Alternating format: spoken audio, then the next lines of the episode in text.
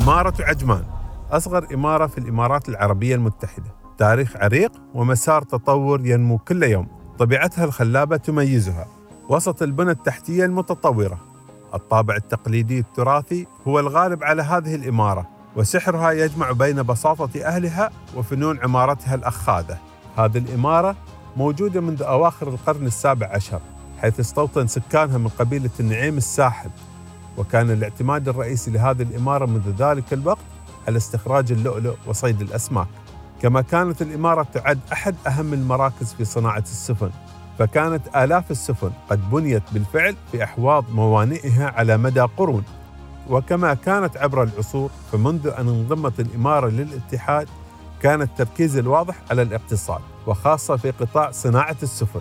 فهذه المهنة التي توارثها أهلها جعلت منهم أحد أهم الخبرات العالمية في بناء وتصنيع السفن فهي تمتلك اليوم أحد أكبر الورش على مستوى دولة الإمارات العربية المتحدة لصناعة وصيانة السفن فميناء الإمارة يكتظ بشكل كبير بها لتكون بهذا الإمارة أحد أكبر مصانع بناء السفن الشراعية في العالم. كما تضم الإمارة العديد من المنشآت الصناعية المتنوعة وبالفعل فإن الإمارة تسعى للتطور يوما بعد يوم.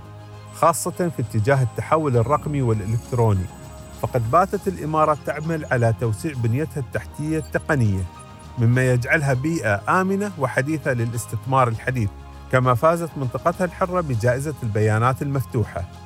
وتحولت عجمان إلى مدينة عصرية مع الحفاظ على طابعها التقليدي الجميل فسوق عجمان يعد شاهدا على براعة سكانها في فن العمارة.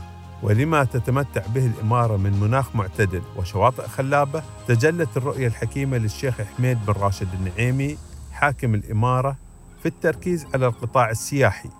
فتعد شواطئ الإمارة أحد أجمل الشواطئ على مستوى الدولة.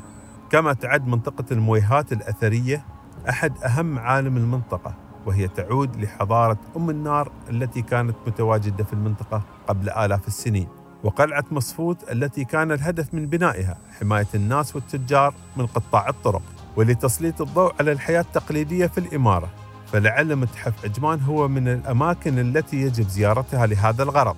كما يحتوي أيضا على جزء تظهر فيه الأسلحة الإماراتية التقليدية. كما ركز حاكم عجمان على أهمية التعليم فهو أحد أهم الركائز لصناعة أجيال جديدة. قادرة على العطاء والتنمية وهو ذات النهج الذي تنتهجه الإمارة. فهذا التركيز يتجلى في النمو الواضح للمدارس والجامعات وكوادرها الذين باتوا ينافسون أهم جامعات العالم من حيث مستوى التعليم.